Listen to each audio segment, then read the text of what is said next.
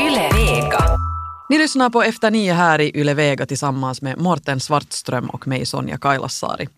I det här programmet så utmanar vi våra gäster, eller så utmanar de sig själva, att i en vecka testa på att leva på ett annorlunda sätt. Men uh, idag så är utmaningen lite annorlunda än normalt. Man kan väl kanske till och med säga att uh, det handlar om en livslång utmaning. Mm. Uh, veckans gäst i Efter nio är till yrket stå upp-komiker och han härstammar från Tammerfors. Och i sin komik så funderar han ofta på, på saker ur det egna livet. Veckans gäst i Efter nio är Freddy Liljus. Och då han blev tillfrågad om att utmana sig efter nio radio så, så valde han ett tema som för honom själv är mycket aktuellt. Och vi ska alldeles strax få höra honom själv berätta om den här utmaningen och varför han valde just den. Men så mycket kan vi väl ändå avslöja, Sonja, eller vad? Om att hans utmaning handlar om adoptiv föräldraskap. Och i dagens Efter nio kommer han senare att få träffa Muluken Cederborg som själv adopterades hit 1986. Och hon kommer då ursprungligen från Etiopien. Äh, uh, har själv grundat en förening, VIA, uh, som är för svenskspråkiga internationellt adopterade i Finland. Hon har velat samla alla vuxna internationellt adopterade för att uh, utbyta erfarenheter och, och kunskaper om att vara adopterad. Och senare i programmet kommer Muluken att utmana Freddy med några scenarier som man som adoptivförälder kan hamna i. Situationer då man tvingas fundera på, på vissa etiska och moraliska frågeställningar när det kommer till ens barn och, och, och det faktum att de är adopterade. Då. Muluken kommer att komma in i studion lite senare. Men nu då, nu är det dags att välkomna Freddy Liljus och vi inleder med att lyssna, mm, precis som vi har lovat här tidigare, om att han själv ska få berätta i ett dagboksklipp om den här utmaningen och om varför han valde just den. Min utmaning, egentligen en utmaning som jag lever med varje dag. Det är nämligen så att eh, jag är en pappa som är också en utmaning för alla pappor. Men äh, lite kanske speciellt är det att jag har en äh, liten pojke från Sydafrika. Och vi ska diskutera lite om hur det är att vara en adoptivfar. Jag har haft ett, en fantastisk period här nu i två år när vi kom, sen vi kom hem. Alex är nu fyra. Och ja, varje dag är ju en speciell dag. Vi har ett vanligt liv. Killen växer, han är tvåspråkig här i Tammerfors, går i svensk dagis och, och eh, ska gå svenska skolan troligtvis, vilket är ganska kul.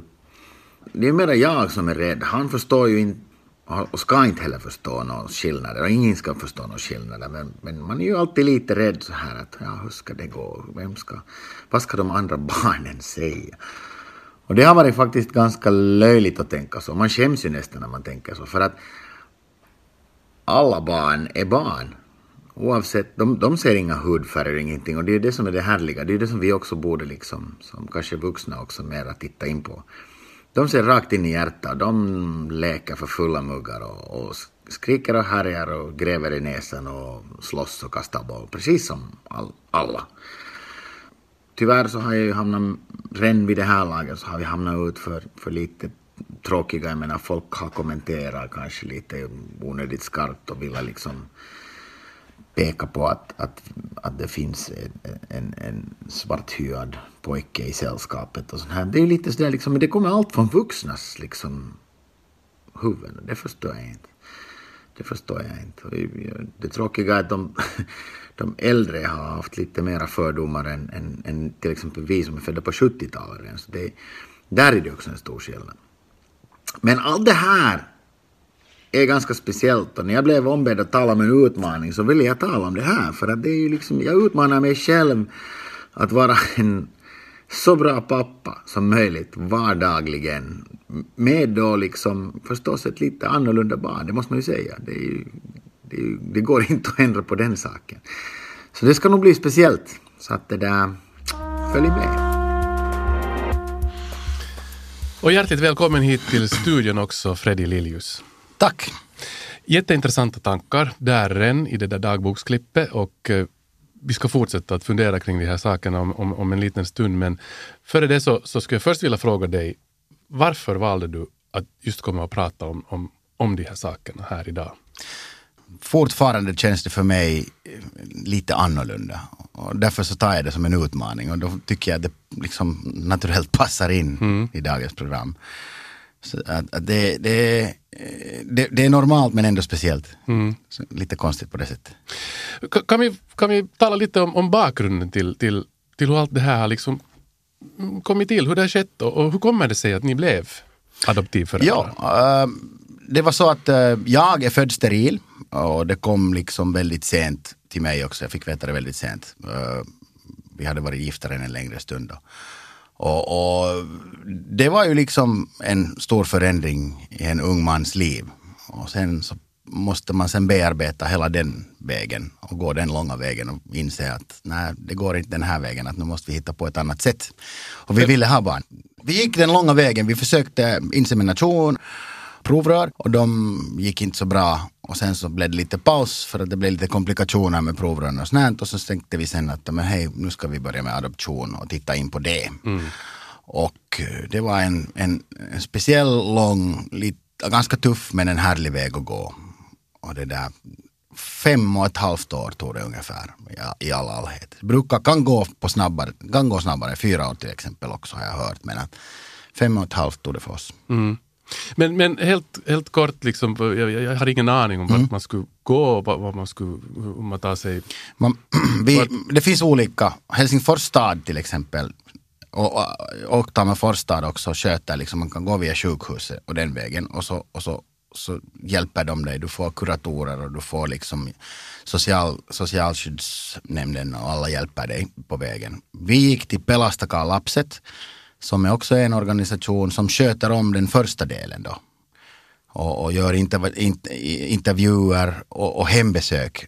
Vi har ännu också ett, ett hembesök i året. Där de gör en rapport helt enkelt. De kollar att allt är okej. De kollar att allt är okej. Och sen när det går vidare till, till liksom själva, när man ska börja då skicka papper till Afrika och så vidare. Så de gör inte den biten utan då, finns, då har vi till exempel här i, i, i, i, det där, i Helsingfors en organisation som sköter via en afrikansk, ABBA Adoptions, en, en, då, i vårt fall då ABBA från, från Afrika som skötte om det här. Vad vi egentligen vad vi hade var också en, var ganska hemskt egentligen att tänka men, men det var en lista som du skulle ticka i. Och, och där var alla tänkbara grejer som man skulle fylla i. Vill ni ha att ert barn ska? Kolon. Okej. Eller hur ni? Så det var liksom sådär, bygg ditt eget barn nästan. Det var riktigt liksom, det var lite, kändes lite äckligt. Men, att, men att där skulle man då helt ärligt säga att är du färdig att adoptera ett barn med? Då, blind, döv, eh, HIV-positiv, ett ben, stympad eller, eller det var en jättelång lista. Sjukdomar, utseende. Och det var ganska hemskt egentligen att leka lite liksom nästan Gud kan man tänka sig. Men det var ganska sådär liksom ruskigt. Att välja bort saker. Saker. För att vad, vem, vad, är jag för, vad har- jag för privileg- privilegier att egentligen liksom inverka på det gent- gentemot liksom andra föräldrar? På det sättet.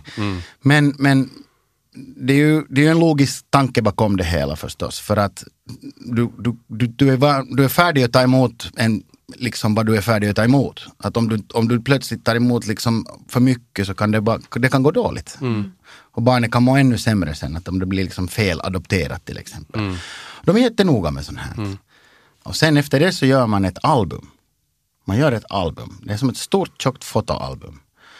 Och dit så sätter man allt. Bilder på familjen, på släkter, på husdjur, huset, hemmet, gården, snö. Jag, jag skrev dikter och, och målade till och med en, en ritning, en tavla dit. Och, och för att ville visa liksom att jag är lite mer konstnärlig. Och Vi tömde liksom allt vårt personliga i det där albumet. Och det skickades till Afrika. Och då där på ABBA så finns det faktiskt en, en, en, ett team på fyra damer som, som du, har, du tar inte liksom en, en, en nummer i kö, du ställer dig aldrig i kö. Utan grejen är den att när ett barn utsätts för adoption från ett barnhem så har du ABBA däremellan. Och de tar, profilerar det här barnet och studerar det och så studerar de barnet gentemot de här albumen. Och det låter ju hemskt sjukt. Men jag kan säga så här att eh, när vi var i Afrika tillsammans, då bodde vi i en sån här, vi kallar det för Melrose Place, för huset såg ut som Melrose Place med simbassäng, men varje våning hade ett adoptiv, en adop, nyadopterat barn. ganska skoj. Det var danskar, svenskar, finnar i ett stort sån här, i en sån här kommun. Och när jag tittade liksom på sju av de där barnen och deras föräldrar så, så tänkte jag att liksom, nej, det, det, är helt otroligt men liksom, det där barnet skulle inte kunna vara någon annans än den familjens. Mm. Och inte någon annan än den familjens. Det är nu liksom, fast jag säger så här, så är, det, det var liksom helt otroligt. Så du menar att det funkar? Alltså det... det funkar nog, åtminstone i, i det här fallet, hundra. hundra. Efter att albumet checkas så säger de att det är mellan ett, ett halvt och ett år så får ni, får ni besked. Och så, det var en tisdag som de ringde. Och så sa de att, att ni ska vara här på fredag. Okej. Okay. Och vart flög ni sen då? Jag flög till Johannesburg. Okay. Och så blev vi upplockade därifrån och så spenderade jag och Tia, då min fru då, eh, en tre, fyra dagar först tillsammans och studerade Sydafrika för det är ju jättestor historia med apartheid och det fanns massor med sådana liksom riktigt hårda tuffa saker att lära sig om kulturen och allting så vi var där tre dagar, fyra dagar först tillsammans och sen kom den stora dagen när vi skulle åka då på morgonen dit till barnhemmet och möta Alex. Och det där så kom Alex till oss. Och det där, det var helt, det var ju, vi hade, jag hade med mig jag hade med mig en sån här, eh, en, en, en pappa igen, papp, duktig och superpappa. Jag hade köpt en fin fotboll som var helt felformad, den rullade inte ens fint. Vi skäms lite. Men så hade äh, Alex Guffar, Niko Kivela, hade gett honom en Brio Formula 1-bil som jag gav åt honom. Den tyckte han om. Men äh, han var dörädd för mig.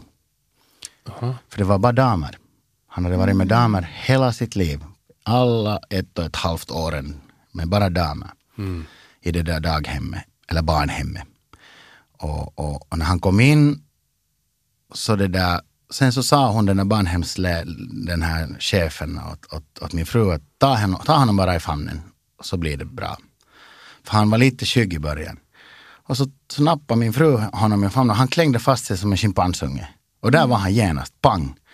Jag gick lite också nära så blev det liksom gallskrik, illvrål. Och, och jag har ju ganska lite sån här dovare röst så mm. det, det hjälpte ju inte ens alls. Det hjälpte ju ingenting. Mm. Så det blev ju lite sådär liksom, hej, hej. det är inget, jag försökte allt men nej. Ja. Så de två första veckorna, eller ja nästan två veckor, tog det, en och en halv vecka tog det faktiskt. Så, så jag måste gå och lägga mig efter honom, för vi sov alla i samma rum förstås. Och så måste jag vakna före honom. Annars bröt det ut. Just det. Han kunde inte liksom vara med mig. Mm. Och det var ju en speciell situation den där morgonen när man sen liksom som normalt så steg jag upp igen och så var jag på väg ut så hör jag sån här tassande bakom mig och så en liten hand som tar i fingret och, och, och för mig till köket och, och, och pekar på vällingen. Jag tänkte jag, pappas pojke, mm. han ska ha mat. Mm. Men det var därifrån började Men det tog en halv vecka. Det tog en och en halv vecka. Så det tog jättelänge förrän han liksom blev van vid mig. Och sen, mm. Sen började vi jobba därifrån vidare. Och nu, ja, nu är vi här. Vad vet man om Alex liv? Eh, vi vet om Alex väldigt mycket. Uh, vi, vet, vi vet att han har, uh, hans föräldrar är båda vid liv. De är väldigt fattiga. Och, och Alex pappa lever på en annan adress och, och det där, eller biologiska pappa då. Och de är väldigt fattiga och hon, hon då helt enkelt inte hade råd. Och då har hon, han är helt född helt normala vägar och, mm, på sjukhus. Hon har fött honom och sen till och med amma honom på barnhemmet. Okay. Och lämna honom där sen. Tragiskt men, mm. men ändå som ett alternativ med tanke på, dag, dag, med tanke på vad som händer idag. Liksom, så, så det är ju här, härligt att sådana här liksom möjligheter finns då. De har ju börjat med andra grejer också, bland annat sådana som Hole in the wall som jag skulle vilja kanske också nämna här för det tycker jag är liksom viktigt. En sån här speciell grej att, att barnhemmen har ju alla i, stora murar så finns det ett, ett hål i muren med två dörrar.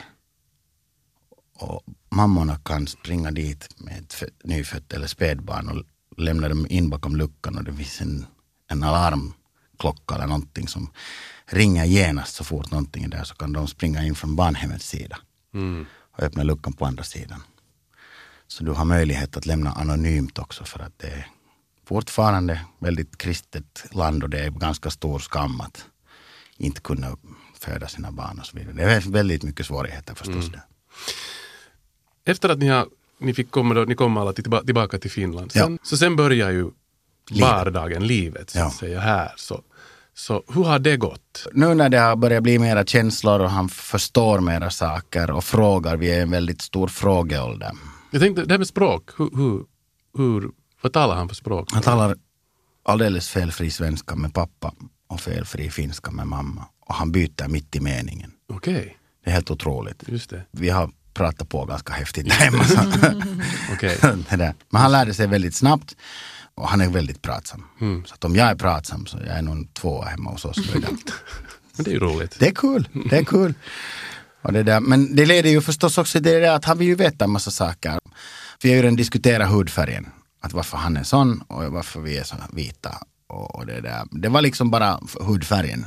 Det, hade inte, det var ingenting, liksom, inget känsloladdat i det hela. Utan varför är pappa, varför är jag svartfärgad? Var, varför är du vitfärgad? Liksom? Nej, du är inte vit, du är brun. Du är brun. Ah ja, brun. Vad är brun? Liksom, vi börjar från det. Mm. Hur mycket vet han om sin egen bakgrund? Hur mycket pratar ni om Uh, det? vi har, från, helt från första början har vi talat om att Afrika är hans hem. Eh, man kan ta pojken ur Afrika men aldrig Afrika ur pojken. Det är bara så att liksom, det tänker jag aldrig i mitt liv göra. Det är ju absolut inte. Det är hans hem och, och han har två hem. Och han har två mammor. Och det tycker jag är ganska sött när han berättar om det också. Han har två mammor och två hem. Pappa finns det bara jag. Men man, man ser ju, där ser man ju också hur viktig liksom man, moderns roll är i det här fallet ännu. Och, och det där, mm, vi ska åka nu i första gången på sån här memorialresa med honom på julen tillbaka. Första gången. Och han väntar på det. Och då ska han till- gå till Afrika eller hem till Afrika, till Afrikahemmet och titta på. Jag tror att det kommer att komma en hel del emot där. Jag spänner väldigt mycket förstås. Att det kommer säkert att komma en massa frågor där ännu. När vi, när vi kommer fram dit. Att, att hur har han bott här? här finns massa, vi ska till barnhemmet och vi ska hälsa på hans de här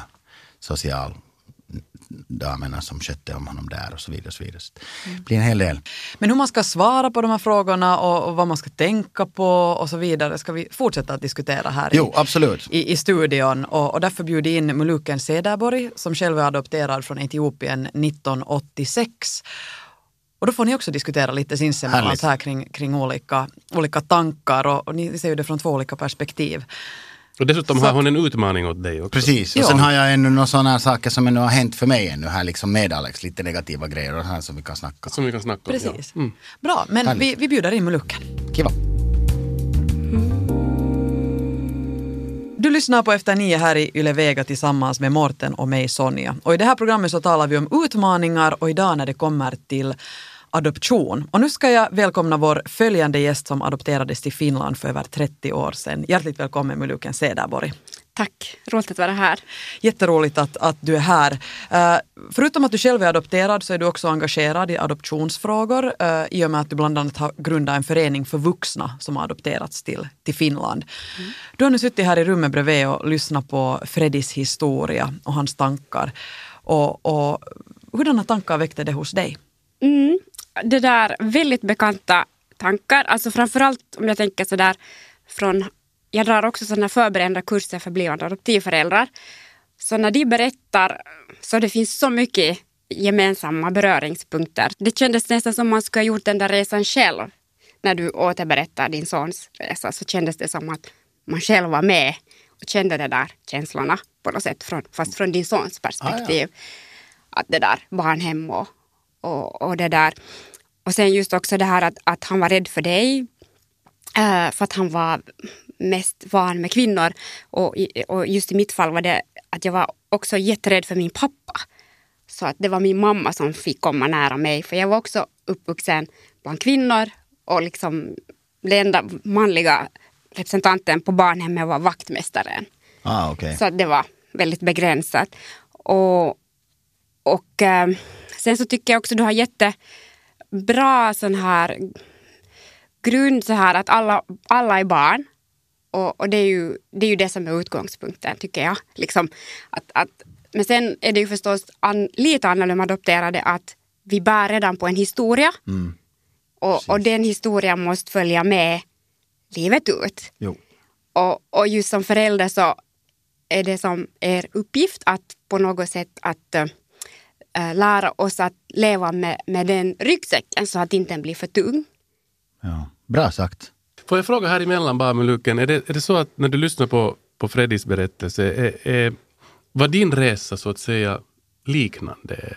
Eh, när vi talar, vi talar om då för över 30 år sedan, eller har någonting förändrats eller är det ungefär så här det går till, går till idag? Alltså det har nog blivit mera professionaliserat. Det kan jag tänka mig. Ja, ja att just att uh, på den tiden så uh, hur ska jag säga, det, det kanske fanns en, en annan anda som rådde då. Att, att det där med barnlöshet var inte det primära. Uh, utan om man tänker som med Sverige, att det var mer att man ville göra gott. Ja, man ville liksom... Ja, att hjälpa tredje Hjälpa världen tredje eller världen, axla ja. ansvaret. Ja. Men att i Finlands del så var det nog mera så att det var barnlöshet som spelade en större roll. Men, men så här så där nordiskt sett så var det. Men, men sen tycker jag också att det är mycket bättre nu för tiden att man förbereder er som förälder. Att, Väldigt mycket mer kan jag tänka mig. Ja, att, och sen just det här med listan med, med sjukdomar Ja. eller så här. Vad, vad, och där, där, där måste man kanske, just som du sa var jätteviktigt att, att, att det är för barnets bästa Precis. som man gör det där. Att det finns en, en, um, en sån adoptionsforskare som heter Nigel Cantwell och han har en jättebra sån där tes tycker jag. The right children for the right reason by the right person and in the right way Precis. att alla de här fyra så transparent som möjligt och så ärligt som möjligt. eh, och allt det där för barnets bästa. Att just att kunna vad heter det, vara ärlig som förälder att hurudan barn har vi möjlighet Att kunna ta att emot. kunna ta emot. Så att det är egentligen bara det. Det låter värre än vad det egentligen är. Ja. Och så. Och sen för, Det känns nog ganska, det känns nog fortfarande idag så tycker jag ännu också att det där, den där listan var nog en av de hemskaste sakerna jag Ja. har gjort i mitt liv. Ja, men sen är det den där med listan och att fast du har kryssat eh, ett barn som, du vet, att du kan också ibland kanske bli, det, det ringer då och säger att hej nu finns det så här ett barn, men det här barnet har det och det. Men då kanske ni har funderat, ja men vi klarar nog av det också. Du talar om den här ryggsäcken som man ska leva med livet ut och, och bära på. Och, och, vill du kort, kort berätta om, om din historia och din resa hit? Ja, att det där, min historia börjar med att som också Freddy sa, att mammor har jättestor roll och betydelse i barns liv. Och mitt liv krackelerar just på grund av min mamma. Alltså hon dog i en, under en jättehemsk abort. Det fick jag veta sen under min återresa som vuxen. så det där, Uh, så när hon försvann ur bilden så då upplevde släkten att, uh, nej, men att vi måste föra mig och min lillebror till respektive pojk och flickhem. Och, och det där. Och, och där så skildes, alltså våra, vårt liv liksom separerades där. Och, eh, vilket var jättedumt nu på, e- när man tittar efterhand. Men i alla fall. Att, och sen så hamnade jag först på statens barnhem som var jättestort. Och av en konstig anledning så kom det en, en liten minibuss in till det här statens barnhem. Och jag hamnade in i den där minibussen. Och jag vet inte om det var bara att jag var nyfiken och slank in eller om det var meningen jag skulle vara i den minibussen. Men det var egentligen det som gjorde att jag blev adopterad. För jag hamnade på ett annat barnhem och det barnhemmet bevil, alltså, be, be, vad ska jag säga, de genomförde internationell adoption. Det var mycket slumpen, mycket, mycket slump att jag, Hur gammal var du när du kom hem? jag var gam, gammal, jag var sex år. Du var sex år. Så Ja. du kommer ihåg väldigt mycket. Jag kommer ihåg väldigt mycket. Ja. och framförallt sådana här stora saker, liksom min mammas begravning och, och sen resan till Finland och, och eh, kompisar på, da, på barnhemmet som glädjes liksom över att jag fick fara och jag sörjde över att jag måste lämna dem. Jag ville inte. Och de försökte trösta och säga att du får en cykel där i Finland och det ena och det andra, men det hjälpte ju inte. Så att på den vägen, ja. Vad vet du om din bror? Ah, det har varit en jättejobbig halvårsresa. Ja, alltså han finns inte tyvärr i livet. Oj, tragiskt. Och har du fått veta det alltså helt nyligen? Ah, ja, för några månader sedan. Oj. Så det där. Men det är också den här ryggsäcken. Att, att det där, man vet inte. På ett sätt tömmer den kanske det lite också. Om man tänker så. Ja, Kanske det ändå känns på ett sätt bättre än att gå och fundera på att man inte vet. Ja, för att jag har För försökt... fundera varje dag var han Ja, är. jag har försökt några år äh, söka efter honom och det där. Eh, tyvärr så visste släkten om det, men de hade inte liksom mod att berätta. Så han har varit död många, många år. Och sen via... En halvbror hittade mig via Facebook och han meddelade sen. Så jag hittade en halvbror istället. Jaha, okej. Men det är ju Så att, lite connections ja. där. ja. Fint. Ni lyssnar alltså på Efter nio radio. Här i Ylevega tillsammans med Sonja Kailasari och med mig Morten Svartström. Och eh, det här är ju radioprogrammet där vi alltid har gäster. Och så har vi utmaningar. Och den här veckan så talar vi om utmaningarna när det kommer till adoption. Och vi sitter här tillsammans med Freddy Liljus, ståuppkomiker som är också sedan två år tillbaka eh, adoptivförälder. Och med Muluken Cederborg som själv kom hit för över 30 år sedan som adoptivbarn. Uh, Muluken, du har också förberett eh, en liten utmaning eller, eller några utmaningar till, till Freddy. Eh, och eh, du har förberett några så här fiktiva scener som, som du tänkte att, att Freddy kunde tänk, tänka på när det kommer till framtiden. Och, och, och till olika frågor och olika tankar som man kan ha, ha i huvudet. Vill du berätta lite mer? Ja, det där... Jag tänkte att som förälder så kan det vara bra att kanske förbereda sig på potentiella scenarier som kan komma eller de behöver inte alls komma. Eh, men eh, kanske någon, någon kan komma, det beror på. Och, det där, och just på sådana här förberedande kurser så brukar vi faktiskt försöka förbereda föräldrar så mycket som möjligt, både på goda och, och det här, vad ska vi säga, mindre, mindre positiva saker så att de har verktyg sen att, att, att hantera det. Bra. Och söka efter hjälp sen om det blir för svårt förstås. Det är jättebra att göra det. Så att det, det är några sådana scenarier som jag skulle vilja läsa upp för dig. Ja, Du, shoot. du noterar att din sons humör på senaste tiden blivit mycket sämre och att han efter skolan mest sitter i sitt eget rum och söker inte längre ditt sällskap. Tidigare gillade han skolan men nu för tiden verkar han Eh, hitta på olika orsaker till varför han inte vill eller kan gå till skolan. Du vill veta varför han inte har lust att gå till skolan och till slut så börjar din son gråta och berätta att han blir retad på grund av sitt utseende. Vad är din första reaktion?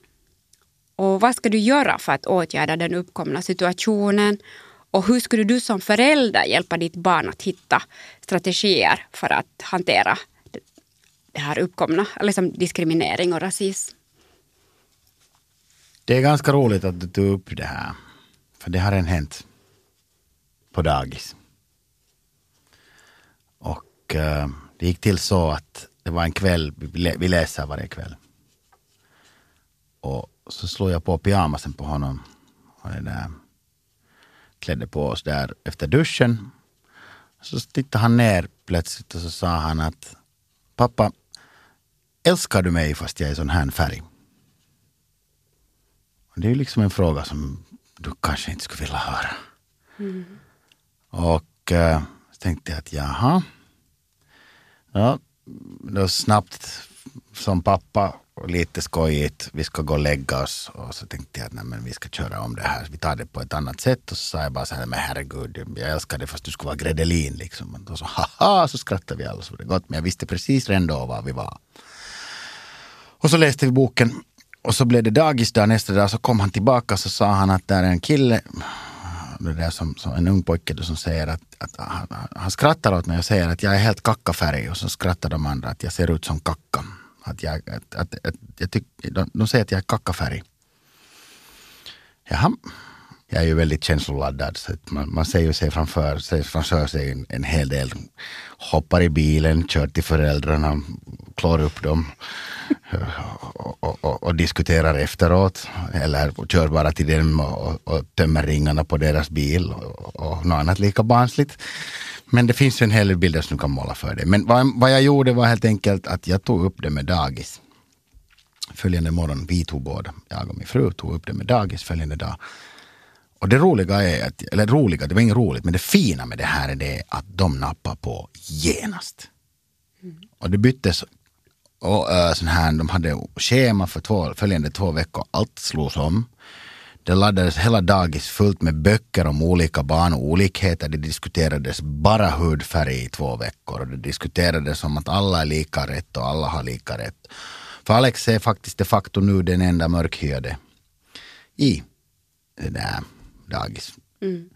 Det togs liksom riktigt på allvar. Och sen föräldrarna kontaktades och det togs upp med dem. Så det gick liksom den rätta vägen. Och jag var faktiskt förbryllad över att hur det gick så fint. Men det här är ett, ett, ett praktexempel på hur man ska gå tillväga. Ja. Att just avdramatisera liksom, och sen att på ett pedagogiskt sätt Ja. lyfta fram det. Att, att, eh, för jag, som vi sa, den där adoptionen följer hela livet. Mm. Sen när han får barn, när din son får barn, som, som i, min, i min situation, och jag har en femårig son med min man, så de har också frågat då mig att hur kan det komma sig att dina föräldrar är vita men du är brun då? Och då var det sådär wow, jag bara så, tack för att du frågar.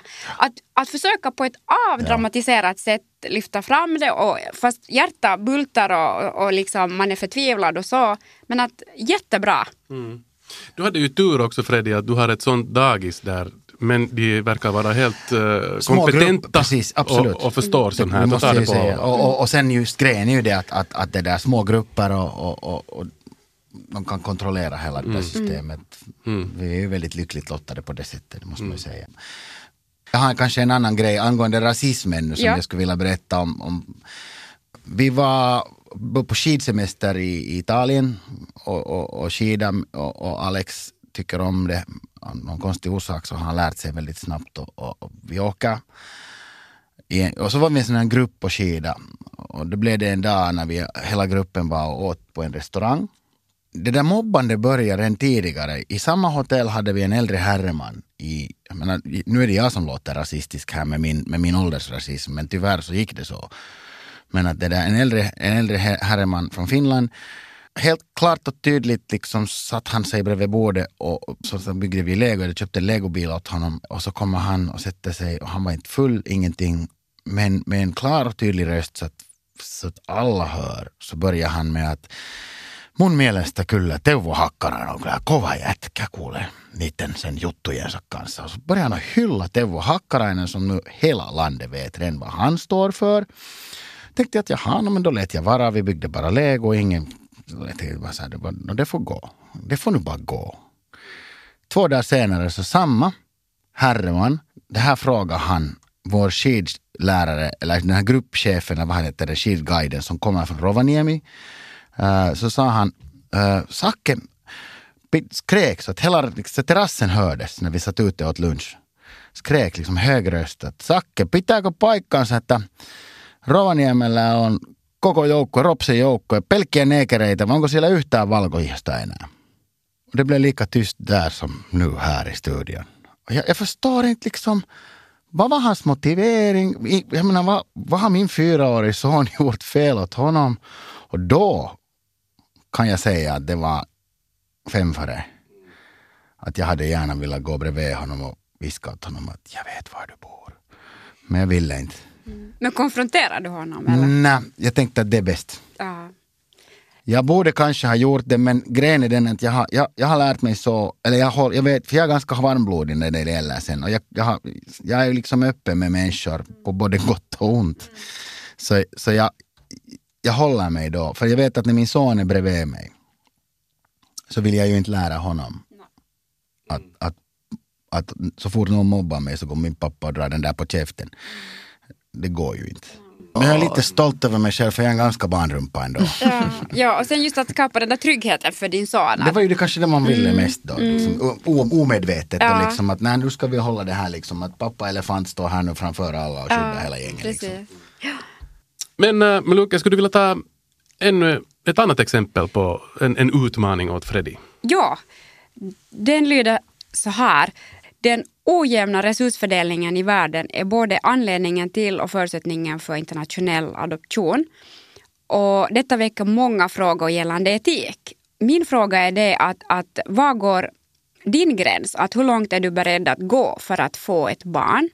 Och sen eh, fortsättningen på det är att vad är den starkaste drivkraften eh, in, inom internationell adoption enligt din syn? Att, är det att hjälpa ett barn eller att, eh, eller att, att hjälpa barnlösa par att få liksom, ett barn. Att, Det är en, det är en fantastisk fråga.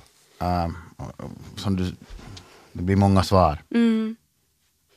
Men uh, om vi börjar med det, kanske min, min egen motivering då, varför jag överhuvudtaget, varför vi ville adoptera och varför jag framförallt ville adoptera. Uh, vi ville ha en familj, inte ett barnhem. Ganska kallt och rått sagt, men jag ville grunda en familj. Och därmed internationell adoption passar vår etik och moral väldigt bra. För att vi är väldigt internationella. Vi reser, vi är kulturellt väldigt intresserade. Vi, jag, jag älskar historia. Och jag älskar liksom överhuvudtaget om, om allt från liksom geografisk historia till vanlig historia, hur allt har blivit till och, och, och hur länderna har blivit till om jag på något sätt kan liksom också lite hjälpa till ett land att bygga ihop sig på något sätt. Förstår du vad jag menar? mm. men, har, men ett annat alternativ är ju det att man åtar sig ett fadderbarn eller att man, hur ska jag säga, vet du, hur ska jag säga, hjälper på ett ekonomiskt sätt sådär lokalt, alltså ett annat land där fördelningen är ojämn. Man måste ju vara ärlig. Så, är så, så, så din, din drivkraft är liksom Familj. familjen. Ja. Familjen, Ja. absolut. Vi hjälper och stöder annars också. Jag menar jag gör fortfarande det. Jag, jag, jag var nere i maj och gjorde gigs för Charity i, i Johannesburg. Precis. Och, och, och så, här, så jag hjälper fortfarande. Och vi är med i, i Greenpeace och vi är med i Sea Shepherd och vi är med och hjälper planeten att må bättre. Och, och jag jobb, jobb, jobbar väldigt mycket för det också. Så att, där hjälper vi. Men jag vill ha en familj.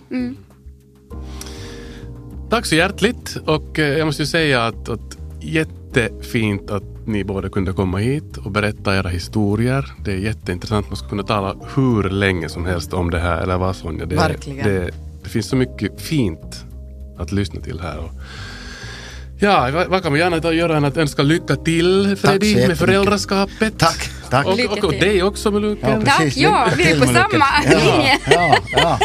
ja. Så att, eh, ja, vad är det vi, om man vill bekanta sig med, med, med organisationen VIA så då är det bara att gå på sociala medier och söka upp, eller vad? Ja. Ja. Ha en, ha en god fortsättning. Tack. Tack. Och, och vi är tillbaka med, med nya avsnitt igen på hösten. ja. Det är väl så att eh, på sommaren kan man också lyssna på det här programmet som kommer delvis i, i repris. Men eh, helt nya blir det på hösten och då kan vi väl önska alla en riktigt god sommar. Ja, skön sommar. ja skön sommar.